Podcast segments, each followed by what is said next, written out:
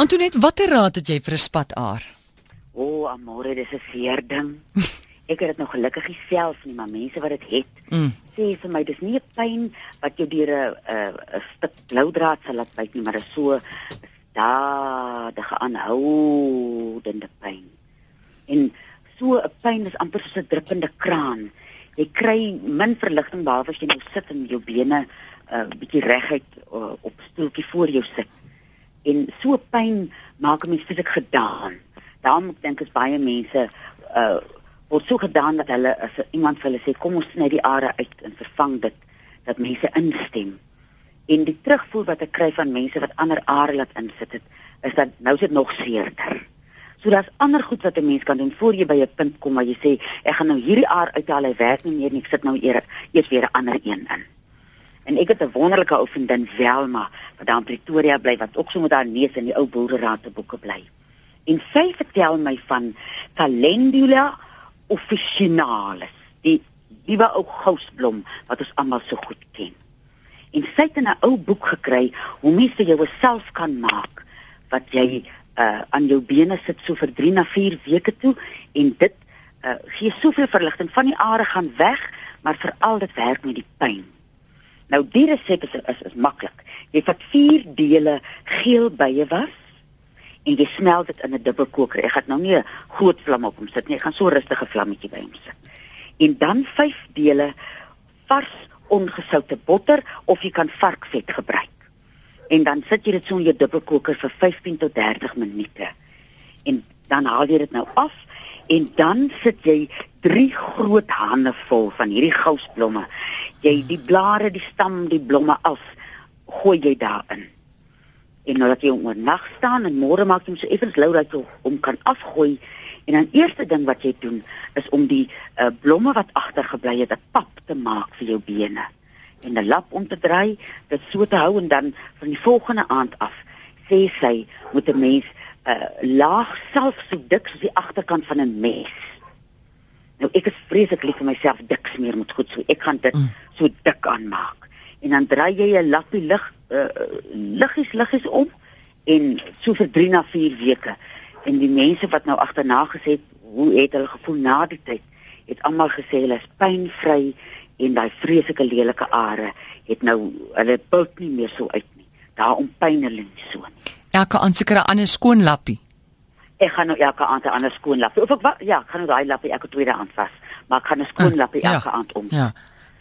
En uh die toe vertel sy vir my van hoe die uh, me, uh mense wat in die Anglo-Boereoorlog uh geveg het, het uh gousblom aftreksel gemaak. Hulle het dit wonderwater genoem. Want iemand het blykbaar navorsing gedoen en gesê hoe op aarde kon die mense 'n oorlog veg op biltong en beskik Ja. en hulle het hierdie wonderwater gedrink. Vir dit sal ek nou so 'n uh, 'n koppie kookwater vat.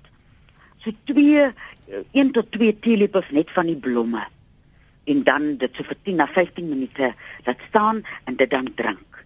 En dit het 'n wonderlike effek op jou hele liggaam. Wat bloedsomloop aanbetref, dit gaan tot by jou spysvertering en uh omdat die krye nou so vars soveel beter werk, gaan julle nou die naweek hulle koop vir julle die gousblom uh wie se naam is Calendula officinalis. Help gou, hoe lyk dit? Hoe lyk dit nou weer? Ek probeer nou dink, hoe lyk hy hy het sulke harre amper aan sy blare. Uh en sulke dik, hy het 'n dik stam en sulke uh groterige blare en hy so uh geel en oranje. Goed. Goed. En mens kan hom plant en maak vir jou 'n akkertjie en uh, man of vrou, dit vrouens ek weet, weet nou van meer vrouens wat daarmee sukkel. Maar maar uh, enige mens in toetsomloop is iets wat ons almal nodig Mm. het.